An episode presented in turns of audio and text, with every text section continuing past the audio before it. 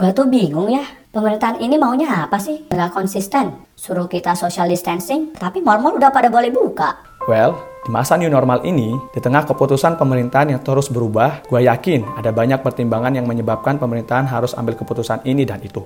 Ya udah pasti banyaklah netizen yang pro kontra di laman medsos. Tapi ya, menurut gue, kita sebagai orang Kristen harusnya memiliki sikap seperti yang Alkitab ajarkan kepada kita. Rasul Paulus pernah berkata di dalam Roma pasal 13 ayat 1, tiap-tiap orang harus takluk kepada pemerintahan yang di atasnya, sebab tidak ada pemerintahan yang tidak berasal dari Allah. Dan pemerintahan-pemerintahan yang ada ditetapkan oleh Allah. Di satu sisi, kita harus tunduk sama pemerintahan. Dan di sisi lain, kita juga perlu nih doain jajaran pemerintah negara kita tercinta ini.